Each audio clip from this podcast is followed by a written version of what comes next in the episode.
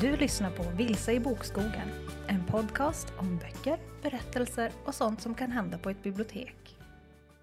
Välkommen tillbaka kära lyssnare till Vilse i bokskogen. Avsnitt 6 är vi framme på och jag hoppas att ni är taggade på att fördjupa er i hållbarhet och böcker. Jag heter Sara och med mig på den här expeditionen har jag Kristoffer, Hallå där. Malin Hej hej! och Sandra. Hallå! Ta på er era bästa promenadkängor och häng med ut! På tal om att vara utomhus. Hur är det? Gillar ni att läsa utomhus? Och var utomhus läser ni i sådana fall? Alltså jag är en utpräglad inomhusmänniska. Jag eh, ser sällan solen på vintern och eh, inte jättemycket på sommaren heller. Men jag kan ju tänka mig att ligga och läsa i en hammock på en lagom solig altan om det blåser lite så här friska vindar. Eller på en stenhäll vid havet. Jag kan leva hela mitt liv på en stenhäll vid havet men det är en annan, annan sak. Men eh, ja, vid en pool eller på en balkong med lite blåst så att man vet att man lever i alla fall. Bara det inte för varmt så funkar det. Hur är det för er andra? Er andra? Det lät nästan lite melankoliskt. Vet att man lever. Men annars så steks man. i- Man bara, "Ugh, jag är bara varm. Ja, jag, jag är lite likadan. Jag går sällan ut. Men eh, om jag skulle ligga och läsa utomhus så skulle det vara i en glänta. Någonstans i en skog. För jag får så mycket energi när jag är utomhus. Jag blir lite så här, ja men helt uh, uppspelt. Och, Det ja, kallas jag- syre och är någonting som man behöver emellanåt. Jaha, Så du är egentligen lite hyperaktiv alltså? ja men precis. Ja. Jag läser nog bara vid poolen om man är utomlands. Men jag hade faktiskt med mig en bok när jag var och vandrade på Kungsleden en gång. Så när man sätter sig och vilar ett tag så slet jag fram boken och började läsa mitt ute i ingenstans. Det var också trevligt. Hur tung bok orkar man ha med sig när man går Kungsleden? Eh, det var faktiskt Skrikande trappan av Jonathan Stroud och det är en ganska stadig bok. Jag skulle precis säga de är rätt stora. Ja, den bar jag med mig. Vad, vilket, hur mycket mat var du tvungen att lämna kvar hemma innan du... Nej, det var en dagstur så jag hade inte så mycket annat. Ja, men då Då går det väl an. ryggsäcken. Jag är en sån där som älskar att läsa utomhus. Jag eh, sitter jättegärna på en altan i en vilstol och läser hur länge som helst. Men det måste vara i skuggan. Mm. Jag sitter inte i solen och läser. Det kommer inte på fråga. Då flyttar jag runt vilstolen när skuggan flyttar på sig. Men eh, min absoluta favorit, sånt som inte händer sådär jätteofta nu när jag bor här, det är ju att sitta på en klipphäll vid västkusten och läsa. Det, det är absolut bästa stället. Eller på en brygga i hamnen liksom. Mm. Och läsa. Det är de bästa ställena att läsa på. För man hör havet och fiskmåsar och hela den grejen. Och det luktar fisk och tång. Bottenviken är inte helt dum den heller. jag det kanske får bli någon typ av eh, alternativ nu när jag är här uppe och inte kan åka till Lysekil och läsa böcker. Ja, det blir lite långt. Det är att läsa. lite långt. Det får vara en riktigt bra bok om jag ska åka till Lysekil och läsa den. Ja.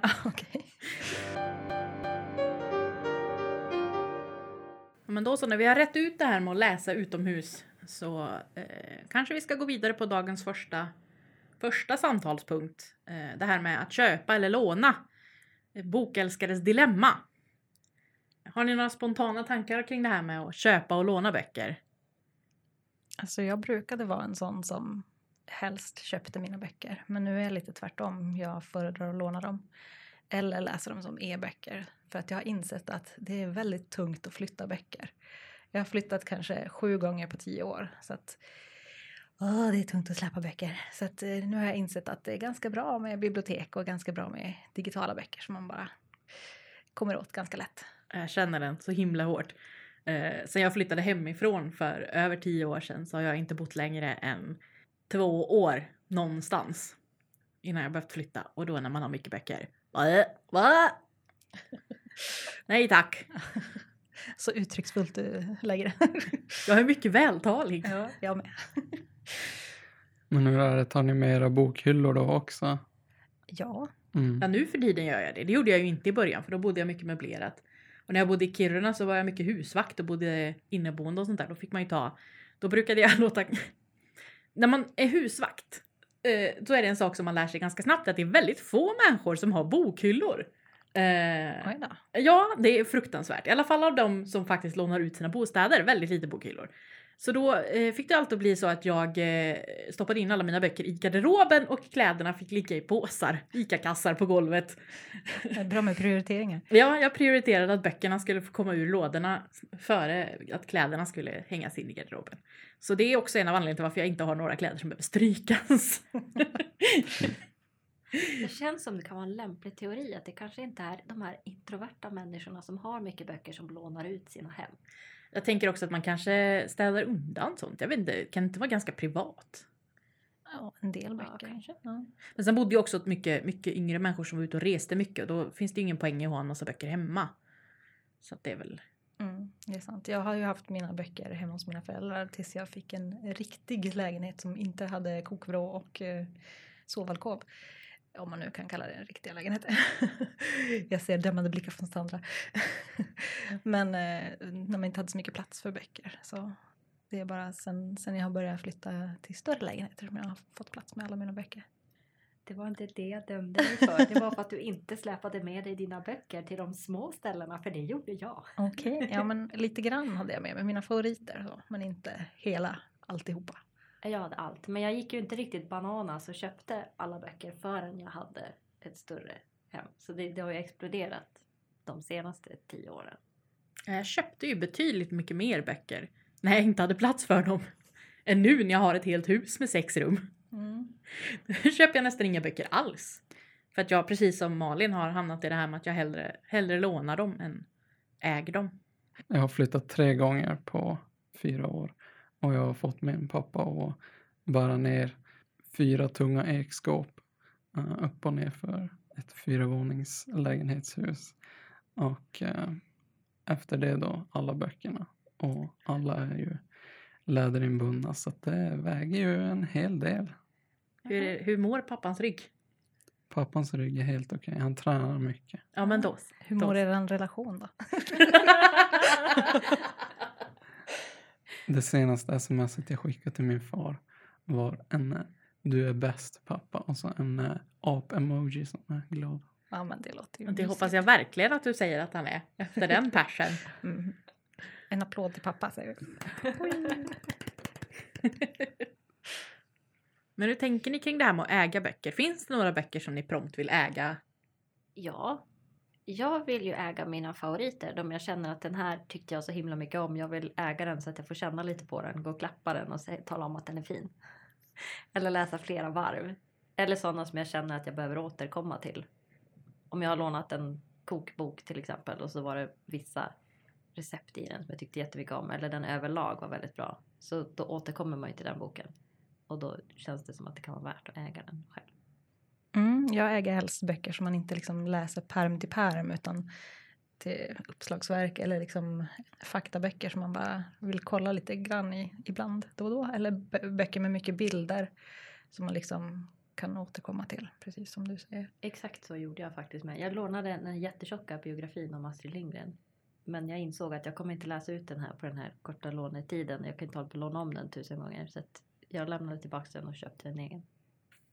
Jag skulle ju väldigt gärna vilja äga eh, originalutgåvor på, helst på originalspråk då, av eh, gotisk, gamla gotiska fiktioner, eh, skräck och sånt. Det som ligger högt i kurs är ju Dracula och Frankenstein, men båda de i gamla ex är ju helt oåtkomliga i, i prisklasserna. Och därför är ju bibliotek så himla bra. Jag råkade bryta mot en av de sju dödssynderna här om uh, veckan och jag läste Frankenstein på svenska för att jag, jag kommer aldrig kunna köpa den i en gammal utgåva. Och sen uh, Dracula har jag ännu inte läst men jag anar att det, jag kommer att till slut behöva läsa den också. På. men jag ska försöka hålla mig till den engelska versionen då. En annan bok som jag har lånat är Carl Magnus Callanders eh, Bibliotek och Ex Libris. Och den är ju också alltså, hur dyr som helst. Och ehm, den innehåller ju massor av eh, persongallerier på, på boksamlare från 1800, 1700 och framåt till 1900-talets början då. Och eh, det är ju super att man får låna sånt. Ja, mm, så länge de inte är de riktigt, riktigt gamla och dyra exemplaren. För de får man inte låna hem. Nej, nej, de är oftast på Kungliga biblioteket och de får man oftast inte röra. Nej. Nej. Nej, det är ju synd. Ja. Men ja, jag tror att det är fler än du som har brutit mot de där dödssynderna. Om det... Jag visste inte ens att det var en synd. Jag har läst Dracula både på engelska originalspråket, inte en, en omarbetad utgåva på engelska utan den som var. Och den svenska nyöversättningen som kom för ett par år sedan. Eh, och jag hade ju betydligt mycket lättare att ta till mig i den svenska nyöversättningen än vad jag hade i den engelska. Så att det, det är inte så dumt ändå att läsa den på, på översatt. Det har ryktats om att Dracula gavs ut med olika, eh, alltså att olika delar kom ut till olika länder och, att eh, vissa passager var borttagna. Stämmer. Det skulle inte förvåna mig ett dugg. Mm. Jag kan inte sätta någon, jag har, har ingen källkritisk eh, fakta att lägga på detta påstående. Men eh, det låter inte helt orimligt för att det är inte jätteovanligt. Jag kommer på, jag har ju faktiskt en bok som jag definitivt köper eftersom jag äger cirka 25 exemplar av boken. jag samlar ju på min favoritbok, Den hemliga trädgården av Frances Hodgson Burnett och jag har den många svenska, många engelska, en albansk variant och fler. Så jag har ju läst den boken väldigt många gånger och jag har ju läst den med väldigt många olika översättningar och utgåvor. Så det är lite kul att se hur den varierar. Bara på första meningen i boken kan man se stora skillnader. Har du någon favoritutgåva av den? Ja, jag har ju det. Eh, en fantastiskt fin interaktiv bok som Mina Lima har varit och petat i och gjort så att det är massa fräna detaljer i boken. Ja, det är de här utgåvorna med pop-up eh, sidor och Ja, grejer i va? Ja. Finns flera klassiker i dem. De har, är omöjliga att ha på bibliotek för att det är så mycket smådelar och grejer. Eh, så att det Mm. försvinner. Men om ni får chansen att eh, plocka upp en, en av, av de eh, klassikerutgåvorna och kika på så De Kan jag har ju rekommendera det? faktiskt gjort en Harry Potter också. jaha. Ja, den vill jag ha. Åh. Trots att jag ju har tre uppsättningar av Harry Potter redan också. Men jag kan känna igen mig lite det där. Alltså böckerna jag köper är också sånt som jag vill komma tillbaka och använda till. Nu för tiden så köper jag främst mönsterböcker för broderier. Och min fru köper mest konstböcker. Som jag också tycker om att bläddra i. Eh, Men eftersom det är hon som är konstnär så är det ju mest hon som använder dem. Men däremot så tycker jag om att sitta bredvid. Det har blivit en sån här gemensam läsgrej ibland efter middagen. När hon har köpt en ny konstbok. Att hon bläddrar igenom och förklarar vad det är jag tittar på. Mm. Det är ganska mysigt. Det låter jättemysigt. Och de är ju mysiga att äga för att du kan titta på dem flera gånger. Eh, och du behöver inte, det är verkligen inte en sån vägg till vägg bok utan Mm. du bläddrar runt lite och kikar lite. Så det kan jag tycka är ganska mysigt. Men sen är jag ju också en sån som jag äger gärna böcker som jag vill läsa om. Eller av författare som jag känner att jag kanske vill stödja lite extra monetärt. Alltså, dels om det är någon jag känner som har gett ut en bok, det händer ibland. Det låter som jag känner jättemycket kända författare, det gör jag inte. Utan det här är oftast egenutgivna böcker och hobbyprojekt. Men också en del alltså som jag definitivt inte känner. Men jag äger ju till exempel nästan alla Mats Strandbergs böcker. Därför att jag tycker så himla mycket om honom, höll jag på att säga. Det låter som jag tycker om honom som person. Det kanske jag skulle göra om jag någonsin träffar människan. Men jag tycker om alla hans böcker. Då känns de, de är värda att, att äga och läsa flera gånger och tvinga folk att låna. Ja, jag köper främst böcker som antingen inte finns att få tag på som e-böcker eller som inte gör sig så bra i e-boxformat eller som inte finns på biblioteket. Liksom, Mm. Oftast på engelska, oftast lite smalare böcker kanske. Så att, eh, har jag möjlighet så lånar jag hellre. Men jag köper en del böcker fortfarande. Det är ju fördelen att jobba på ett bibliotek. Om man vill ha en bok som inte finns så kan man köpa in den. Ja, fast jag läser ju som, och äger nu då drivor av historisk romance. Vi kan inte ha så mycket oöversatt historisk romance på biblioteket tyvärr. Eh, Varför inte? vart skulle den stå? Ja, det är lite samma för mig. Romance-rummet. Bygg ett sånt. Eh, det är lite samma för mig. Det känns som att vi skulle inte ha en målgrupp som vill låna de böckerna. Nej, det hade varit en sak om den hade varit översatt till svenska. Mm. Och de här grejerna, de kommer dessutom ofta bara som e-böcker. Så att eh, då är det liksom, jag äger dem men inte i fysiskt format. Några finns dock att få tag på i fysiskt format. Så då kan jag äga den som e-bok, läsa den, älska den och köpa den i fysiskt format. Mm. Så att jag kan bläddra i den i hyllan. Mm. Smart. för mig är det nästan tvärtom. Alltså, jag lånar mest Eh, böcker på biblioteket som jag vill läsa, men jag vill inte äga dem. Jag samlar på äldre litteratur och, och ganska obskyra grejer också. Som, som Malin nämnde där, att, att eh, smal litteratur och, och sådär. Och då, det finns ju sällan på biblioteken också. Och sen så tycker jag det är så himla härligt med friheten i att välja band och utförande och illustratör och allt sånt där. Det är ju en grej när man har läst en bok på biblioteket kanske och så inser man att den finns i en mycket snyggare utgåva och att det är en bra bok. Då är det ju mycket roligare att köpa den fina utgåvan till sig själv. Liksom. Jag köper en billiga pocket. När köper jag en bok då köper jag en bok som, som är fin som jag också kan ha som konstverk i min bokhylla. Liksom. Mm. Däremot så köper jag inte böcker bara för att de är fina. Eh, det pratade vi om i förra avsnittet. Men om det är en bok jag har läst och känner att jag vill äga då köper jag den finaste varianten jag kan hitta. Om du hittar finare sen då, byter du ut den? Nej, då får jag väl stå mitt kast. Om Eller så ger jag bort den jag har i present och köper en ny till mig själv. Kan man Ja, också göra. ja. Mm. Men en annan sak det här med att äga versus att låna eh, är ju plats. Hur känner ni kring platsbehovet för böcker? Ja, det är väl det som är det andra problemet. Utöver att de är tunga så tar de mycket plats. Och jag känner att eh, jag har väl lärt mig av att jobba på biblioteket. Vi har alltid platsbekymmer. Eh, det finns aldrig tillräckligt plats för alla böcker så att vi har lärt oss att gallra på ett väldigt alltså, smart eller genomtänkt sätt i alla fall. Och då har jag börjat använda det hemma också. Jag känner att ja, men, jag kan gallra mina egna böcker också. En in, en ut-principen. Ja, inte exakt så hårt men fast nu står jag ju där när jag känner så här, åh nej, nu får de inte plats och jag kan inte gallra så mycket att jag får plats med alla som jag behöver få plats med. Så det blir nog kanske en till bokhylla.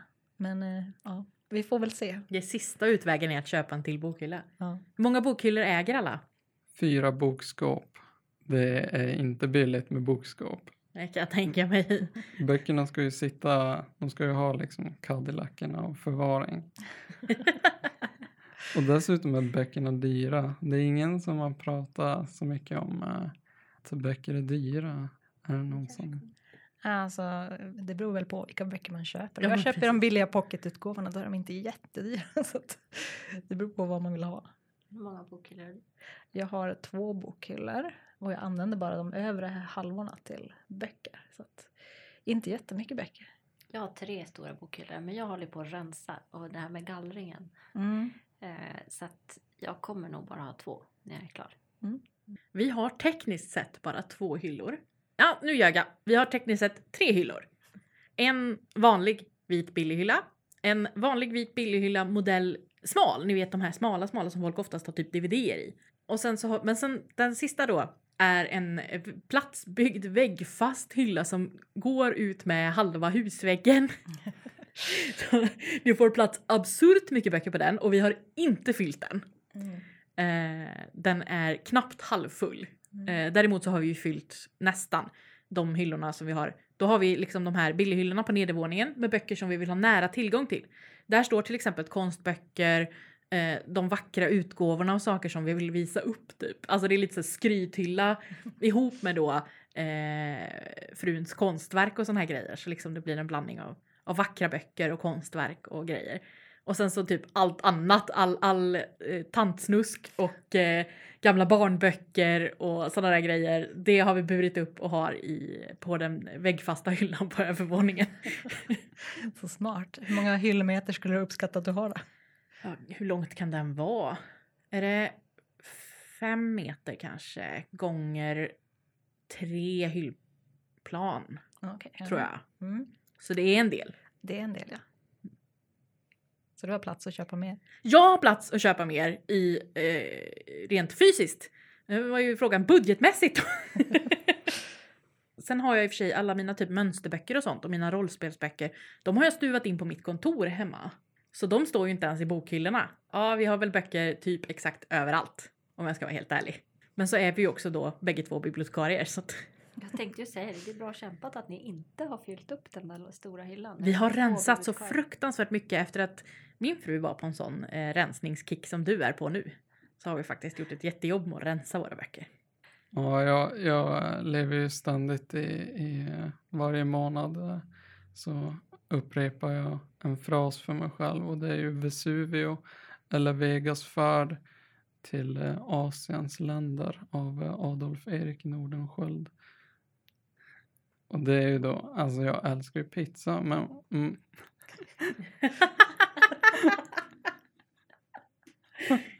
Det här tog en vändning jag inte förväntade mig. Men jag älskar det! Men, men eh, jag vill ju verkligen också äga Vegas färd i, i ett fint utförande.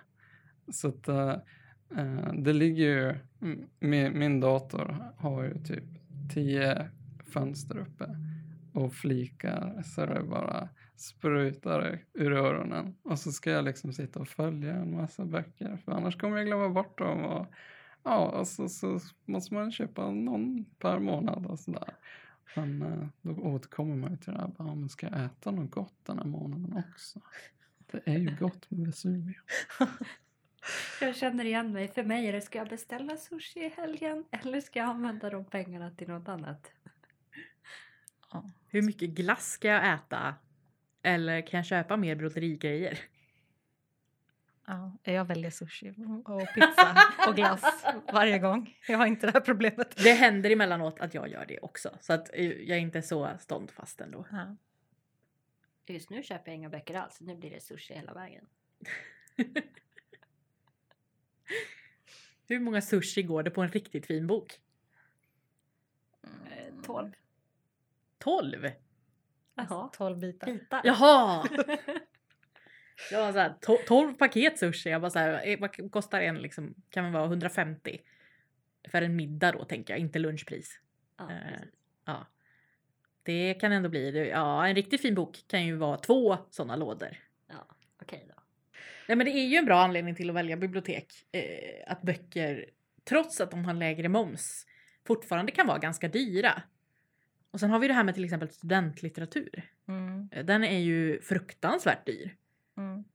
Eh, och så kanske du bara ska läsa ett kapitel. Och nog för att vi inte alltid har den, men oftast kan vi ju låna in den då för en kostnad av 20 kronor som fjärrlån. Och eh, 20 kronor är ju fortfarande bra mycket mindre än 1000 kronor. Om man inte läser en kurs som det går 150 personer samtidigt så har man ju lite större chans.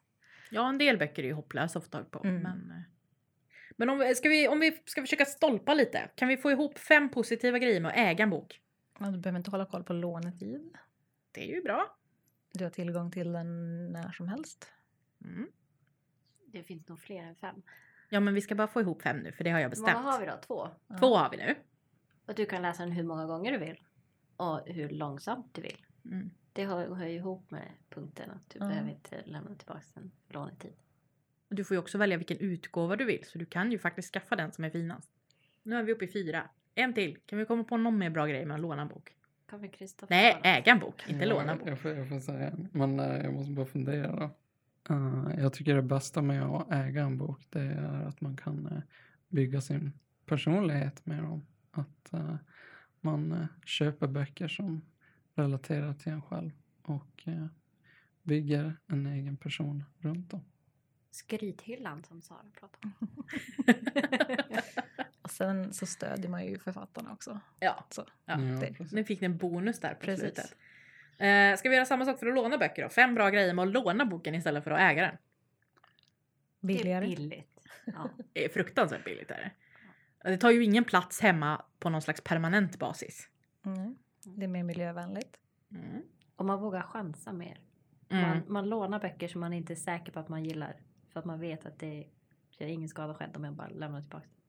Man kan få tag i böcker som man annars kanske inte skulle kunna köpa för att de är lite för dyra. Är vi uppe i fem grejer nu? Jag tappar räkningen. Eh, Det är billigt, det är platseffektivt, eh, man vågar prova saker, miljövänligt. miljövänligt. Det här billigt har vi sagt. Ja, och det, kan, det går ju också in i... Nej, Men man kan lära sig saker. Det är väl en Ja. jättebra grej. Om att, alltså, Ja. Böcker man lånar kan man ju spruta igenom hur många som helst. Mm. Lära sig jättemycket och lämna tillbaka. Det går att få tag, lättare att få tag på böcker som är svåra att köpa via bibliotek. Det var Mm. det som var din. Jag visste att du hade haft en som inte. Men då har vi 5-5. Så det finns fördelar och nackdelar med båda. Jajamän. Ja. Man får köra efter eget samvete. Men ni är ju varmt välkomna in till oss. ja, det är bra. Vi måste ha med lite smygreklam i varje avsnitt. Ja, för vi är vinstdrivande så vi behöver absolut reklam. Ja, public service kanske. Lite public service announcement här, ja precis. Men det är ju faktiskt bland det bästa med biblioteken. Och just Mm. att man inte bara har tillgång till det egna bibliotekets böcker utan vi kan ju alltid låna mellan varann eller fjärrlåna in. Jo, det blir ju lättare och lättare att få tag på böcker från andra bibliotek. Precis. Helt klart. Mm. Och det är ju roligt. Får så himla mycket böcker då. Mm.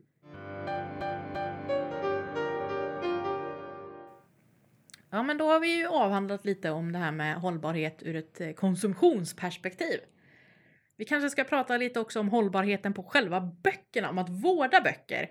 Eh, så vi ska gå in i punkt nummer två. Att vårda böcker med kärlek och bokvax. Och det här måste jag säga är ett ämne jag inte kan jättemycket om. Jag har starka åsikter om tejp. Men det är väl typ det som jag har åsikter om. Eh, men vi har ju faktiskt med vår, våran expert Kristoffer idag. Mm. Eh, I förra avsnittet ville han inte bli kallad expert.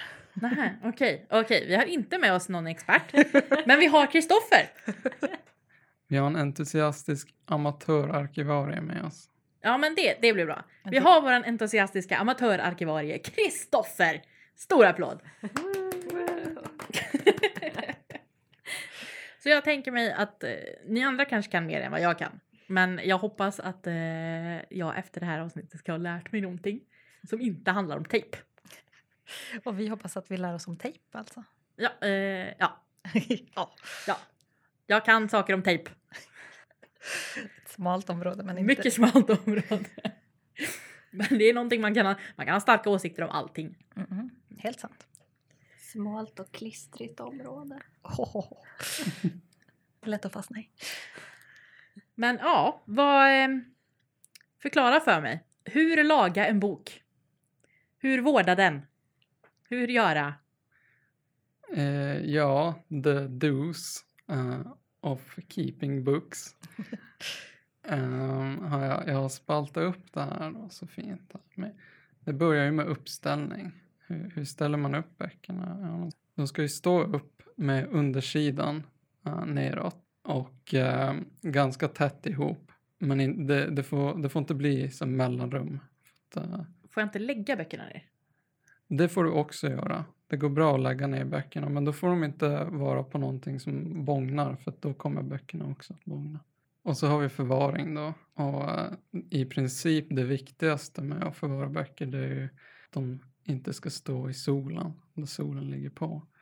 Efter det så har det mycket att göra med temperatur och luftkvalitet. Det ska ju vara ganska svalt och inte för fuktigt men inte heller för torrt. Och sen eh, när det kommer till hantering av böcker eh, ska man eh, hålla böckerna när man läser dem i 90 grader. Det är okej att, att läsa en bok i 180 grader, alltså helt öppen, plant. Men över det då liksom är det jättehög risk att, att förstöra och instabilisera limryggen. Man får alltså inte böja sidorna lite bakåt som man del att, ser att en del gör när de knäcker ryggen på nya böcker. Och det är ett sånt hemskt ljud när man knäcker ryggen på en bok. Ja, precis. Så, och det här gäller väl kanske böcker som man vill spara eller böcker som kan ha ett värde att eh, föra vidare till nästa generation läsare. Så jag behöver inte akta mina pocketböcker lika noga kanske. Nej, precis. För de har ju förmodligen getts ut på andra typer av mer hållbara sätt. När det kommer till eh, handskar också. Det, det är lite omstritt. Eh, ska man ha handskar på sig när man hanterar eh, böcker? Och, eh, och det, det är okej, men eh, det ska gärna vara naturliga material. Och eh, är det så att man är osäker på vad handskarna innehåller så kan det faktiskt vara bättre att bara tvätta händerna och inte ha så mycket handsvett kanske. När man, Vad kan Hantera. hända när, om man väljer fel handskar? Vad är det de gör? det kan innehålla kemikalier och vissa kan ju faktiskt inte vara så himla mjuka som man tror. Och eh, det är svårt att hantera sidorna ibland. Så att eh, för att undvika att riva sidor så är det bättre nästan att vara utan handskar. Ja, Man får inte ha för tjocka handskar då heller kanske. Nej, precis. Men om du vill att din bok ska hålla länge och du har köpt en ny bok, tänker jag. För eh, mycket av det här är väl också hantering av äldre böcker. Det stämmer. Ja. Det är ju okej att, att lägga någon typ av kartong runt uh, böckerna som är ganska tätt runt den. Uh, och även till böcker som har plastomslag kan jag också tycka att det känns okej att sätta en sån här filmplast runt. Jag skulle precis Omslaget. fråga om det. det här, för på biblioteket använder vi ju bokplast om böckerna för att de ska hålla längre. Kan man bokplasta privata böcker? Uh, ja, men kanske inte äldre litteratur eller sånt som är lite sällsynt och sådär. För att plast kan också, ja det är mycket klister i det till exempel. Så det, det är en skada som eh, nästan aldrig går att reparera ifall det skulle vara så att den behöver tas bort av någon anledning i framtiden. Så plasta inte dina läderinbundna böcker. Eller trådinbundna. Eller trådinbundna. Men Malin kan plasta sina pocket. Hon får plasta sina pockets. Okej. Ja, jag, jag- jag tror faktiskt inte jag kommer göra det, men det är bra att veta. men vi har ju, på biblioteken har vi ju tidigare använt mycket biblioteksband, men det har vi ju liksom gått ifrån. Var det också för att de skulle vara hållbara eller liksom, vad tänker ni? Vad är ett biblioteksband för de som inte, inte jobbar på bibliotek? Det är som en speciell eh, tyginbindning nästan eh, på ryggen och sen är det kartong tror jag Mm. över eh, de andra delarna av boken. Pärmen är i någon slags kraftig kartong Ja. och ryggen är tyginbunden. Mm. Och så står det typ tryckt titel och författare. Tydligt för biblioteksbruk, precis. Ja, men inte så här fina omslag med illustrationer och grejer utan bara liksom sakligt. Tänk att vi inte tog upp det i förra avsnittet. Ja, vi hade inte tid med det tror Nej, nej, vi hade inte tid. Men nu får ni höra det nu. Ja. Att det finns en typ av omslag som är särskilda för bibliotek. Det är ju för att de ska vara mer hållbara. Ja. Eftersom de, det är väldigt många som läser dem. Det är mycket hantering av de här böckerna. De som står i bokhyllorna hemma behöver inte vara riktigt lika hållbara. Mm. Om det är bara du och kanske en eller två till som läser böckerna. jag. Nej, men vi har ju som slutat med det. Nu köper vi vanliga böcker. Jag tror att det kan vara oekonomiskt kanske. Ja, det kan ju vara det. Det är dyrare att binda dem än att sälja böckerna. Sant. Och sen köper vi fler exemplar av alla böcker också så att det kanske blir slitaget kanske fördelas över fler exemplar. Jag läste en, ehm, en bloggpost i förberedelse inför det här avsnittet och då pratar de både om biblioteksband och om att knäcka ryggar eh, och lite sånt där. Det var väldigt spridda åsikter kring, kring de här temana. Så att jag tyckte det var intressant. Det finns en debatt där ute även om den inte är jättestor. Det fanns en debatt i min bokcirkel också som jag hade med ungdomar för några år sedan. De pratade om precis det här. Det var någon i gruppen som knäckte ryggarna automatiskt. Det var det första de gjorde. De skulle liksom mjuka upp boken. Och en annan ungdom sa att nej, jag öppnar den bara precis så lite som möjligt så att jag kan läsa texten för jag vill inte skada boken. Så det var väldigt så här, polariserande åsikter om hur de skötte sina böcker. Det var intressant. Åh, vad gulligt. Det låter som en framtida arkivarie. Vad tycker ni om hundöron då? Nej! Nej. Absolut nej. Vad bra, då är vi överens. Gör inte hundöron så slipper vi laga böckerna på det. Det går nämligen inte att laga hundöron.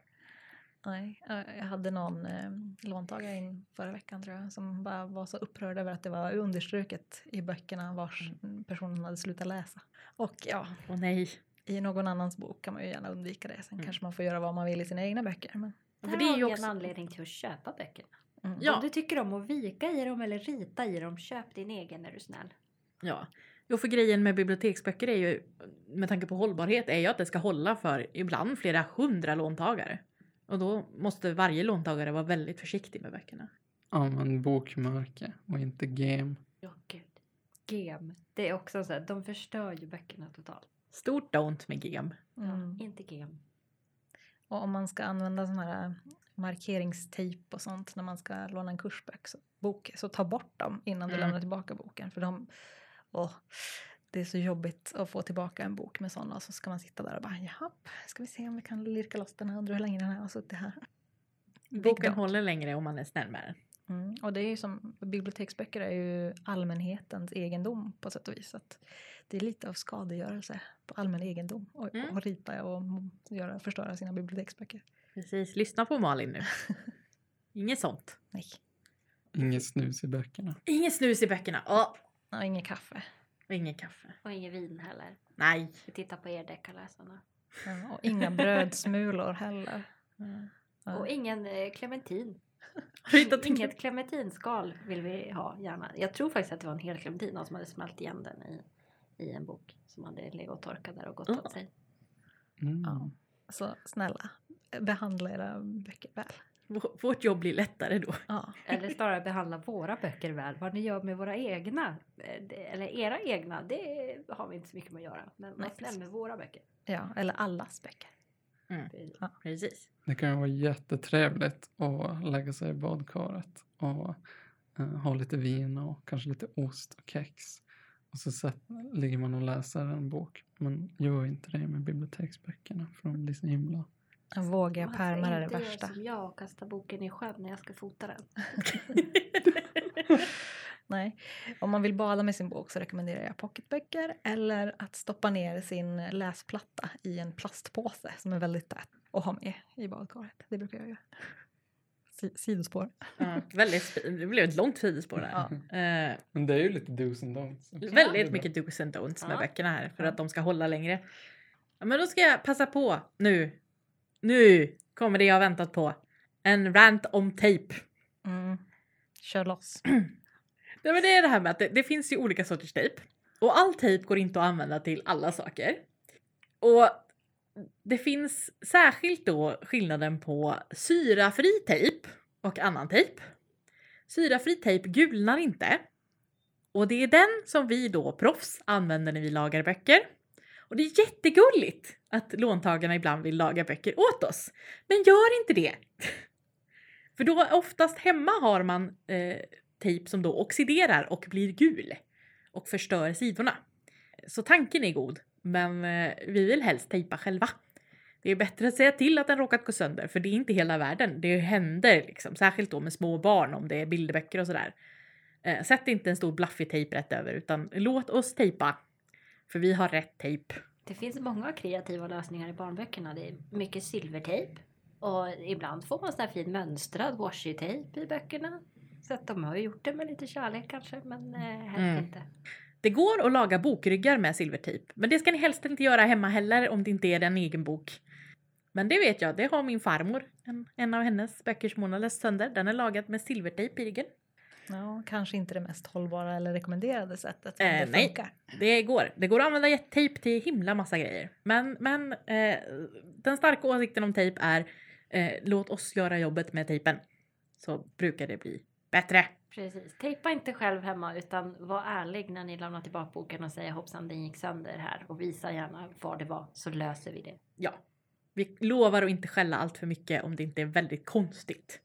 Typ att varenda sida har gått av på mitten eller sådär, för då är det ju någonting som har hänt. Då kanske vi blir lite grumse.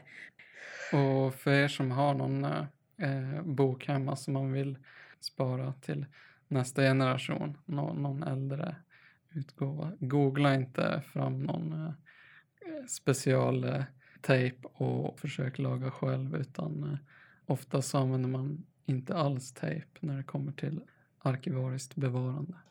Jag läste en eh, krönika av arga bibliotekstanten som är välkänd i bibliotekariekretsar. Stor favorit. Ja, eh, hon brukar skriva på en blogg som heter Selma Stories och den här krönikan hette Laga aldrig böcker med tejp. Den handlar dels om att respekten för boken har li- lite gått ner, att vi behandlar våra böcker lite mer illa. Eh, även biblioteksböcker. Jag kan tycka att det hör ihop med att biblioteken har blivit mer folkliga och mer öppna. Mm. Eh, så att det kanske inte är bara av ondo att, att det ibland händer lite olyckor med böckerna. Nej, nej, det är ju bra att böcker har blivit billigare, dels det, och att Mm. biblioteken inte, inte håller böckerna bakom lås och bom. Nej. Att man får låna dem och får använda dem och att det är liksom en del av vardagen. Men man kan ju ändå försöka vara lite försiktig.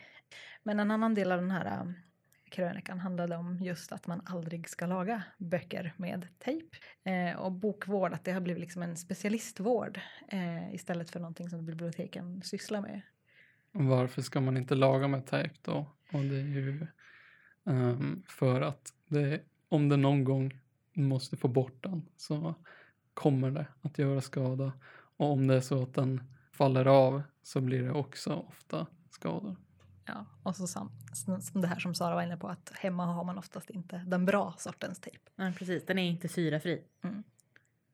Nej, jag läste titeln för det här segmentet med kärlek och bokvax. Då var jag lite så här, bokvax?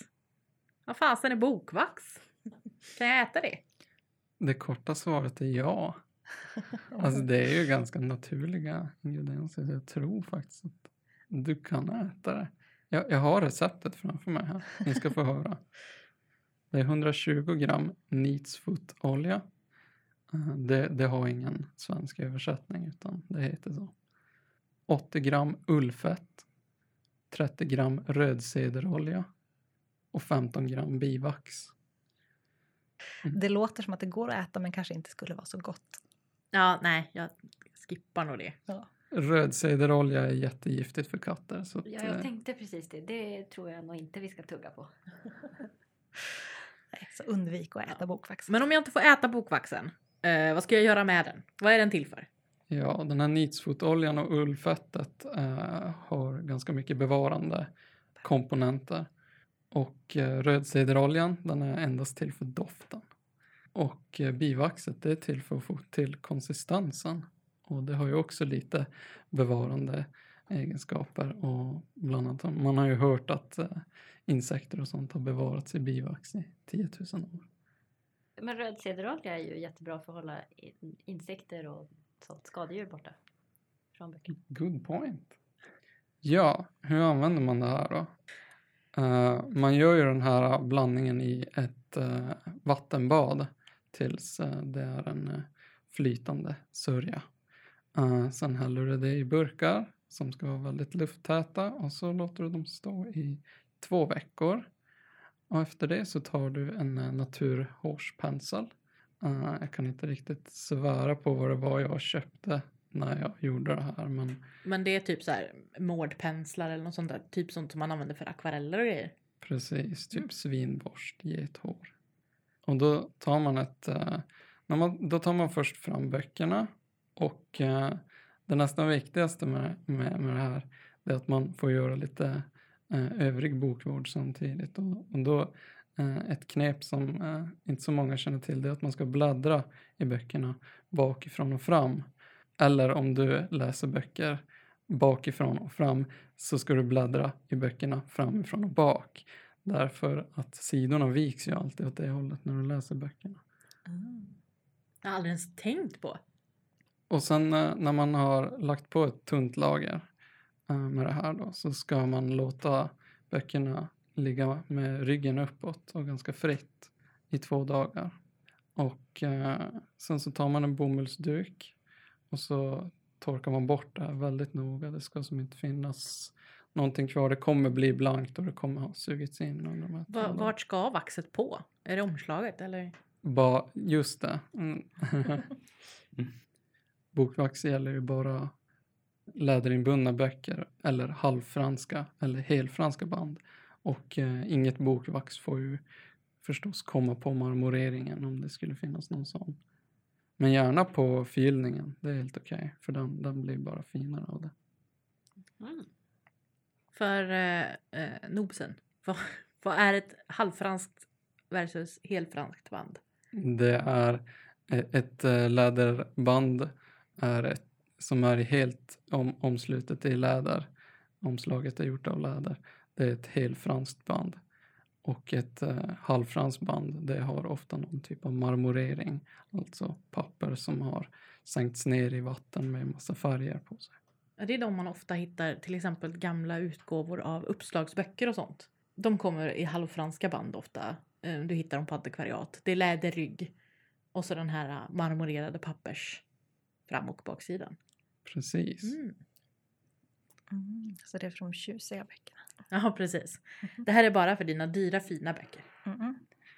Ja, men när ni har polerat dem då så kommer de bli jättefina och då ska de stå gärna någon dag innan man hyr in dem i bokhyllan för att eh, annars så har de inte hunnit luftats nog. Och eh, det här får man inte göra mer än var tionde år. Men då kan ni också tänka er att eh, de flesta äldre böckerna har ju kanske stått i 110 år utan att få en enda omvårdnad. Men eh, ser man efter behandlingen att ja, men den här är ju fortfarande torr, då, då får man inte eh, bli ivrig och köra igen utan det gäller att vänta de där tio åren för att annars kan det ta sig in i ryggen och instabilisera limryggen. Och eh, om den inte blir torr så drar den ju åt, åt sig insekter och skadedjur. Men vi har ju lärt oss massor av nya saker idag. Ja, Mm. men jag har eh, en till fråga. Eh, jag då som inte kan någonting om boklagning.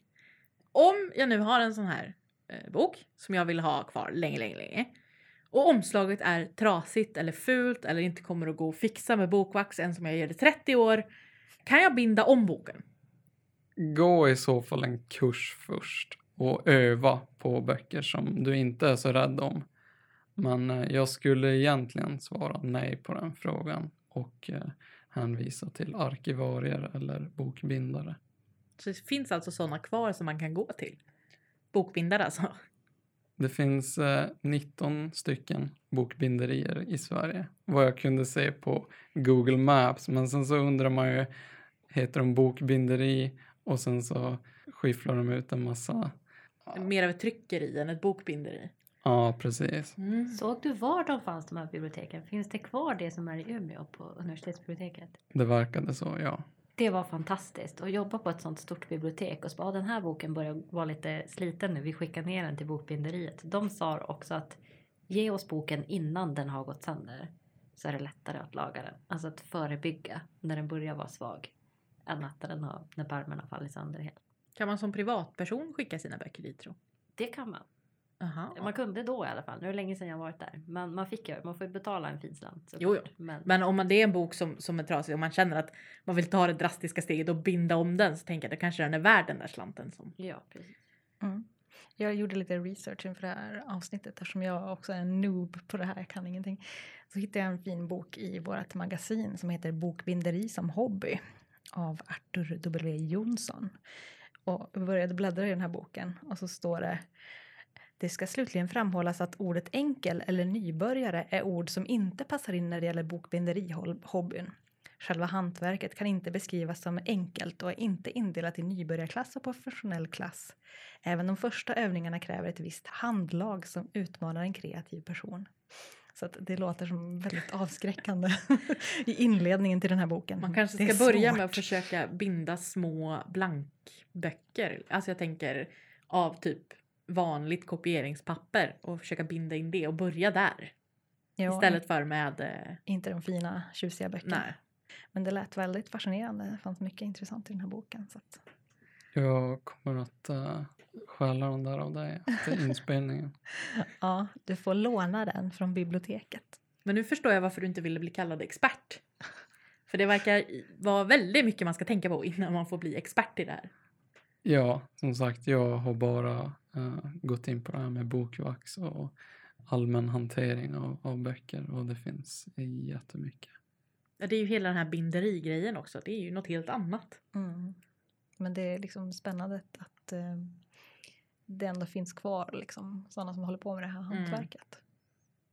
Det är jättespännande, men det är väl ett eh, ganska utdöende yrke också. Ja. Det är synd. Så, Bokbinderi och skomakeri känns lite samma sak för mig. Där hantverket är genuina. Mm. Man jobbar med grejerna och vårdar dem istället för att bara kasta bort den och köpa en ny. det kanske får ett uppsving nu när det ändå blir lite mera konsumtionsmedvetenhet i, Jag Generellt. det. i samhället. Mm. Det kommer ju extremt mycket Go Recreate-böcker. Vi kan ju lägga lite tips på böcker som handlar om återbruk i Beskrivningen. Beskrivningen. Ja, det låter som en bra idé. Mm. Och ett extra litet shout-out till alla som jobbar med bokbinderi. Ja gud ja, tack så mycket. Ja, Ni är ascoola. amazing. Woop woop. Ja, men då känns det som vi har tömt ut ganska mycket av det här. Och det är, vi är redo att gå vidare till höjdpunkten i varje avsnitt. Biten där en av oss har gått lite extra vilse jämfört med alla andra. Och eh, det här avsnittet så är det Kristoffer som har gått vilse. Var har du tagit vägen någonstans? Jag är vilse i eh, trädgårdsarbete nu. Jag har ju köpt hus för inte så länge sedan och ehm, plötsligt så blev det ju kul att vara utomhus. Förut så har min, eh, mina föräldrar alltid sagt, ja men gå och kratta då. ja visst, men jag har ju 400 kvadratmeter gräs och kratta. Det är inte så jäkla kul. Och så blir det ingen riktig satisfaction av det där. Men eh, nu har jag verkligen upptäckt det där att eh, åh vad fint det blir när man, när man lägger manken till. Och eh, det är mycket kring det här med trädgård. Ehm, bland annat så, man ska göra det på vissa, vissa fröer på vissa månader. Jorden ska vara bra. Det är, man, man, det är mycket hästbajs och det är olika mängder jord till olika plantor och det är pallkragar olika höga. Olika många växter i en pallkrage. Och sen så är det ganska inne nu med, med att odla ekologiskt. Och då har vi tagit upp ett potatisland och eh, det var jättejobbigt. Men vad gör man sen då när man har vänt på jorden? Ja, då har man ju löv på det. Det var jättefint för jag hade precis krattat. Men sen så är det ju det här, man ska ju, man ska ju välja något som är, båda är gott men så vill man ju ha lite snyggt i trädgården också. Så att, eh, det har varit ett urval där. Och sen så har vi faktiskt letat efter en bra fikaplats på gården också. Och då hittade vi faktiskt en, en, en, en sån här hero piece, eller vad man ska kalla det, en centerpiece. Och det är ju en hägg på baksidan som är precis mot en stenmur. Och bredvid den så skyddas vi mot vinden av ett, ett skjul. Och där var det jättemycket hallonris. Och då tänker ju många, ripp hallonen, du hade kunnat äta för ett helt år. Ja, men det blev jättefint. Det, roten på häggen var skitcool. Den bara borrade sig ner i marken och for överallt på stenarna. Och dit ska vi placera trädgårdsmöbler när vi nu hittar några som jag, jag, känner är okej. Okay. Jag vill gärna ha no några i trä eller i gjutjärn men det, det, är så dyrt. Trädgårdsmöbler är jätteinne just nu, det är jobbigt. Du får köpa dem på vinterrea.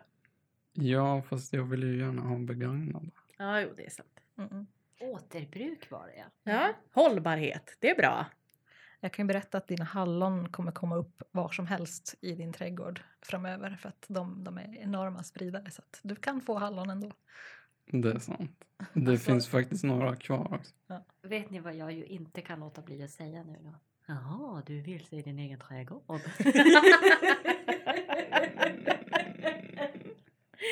Åh, Ja. ja men det låter så mysigt. Eh, Ja. Och som att du har blivit lite vuxen så här, när du skaffar hus. Ja, precis. Man, man lär sig jättemycket varje dag.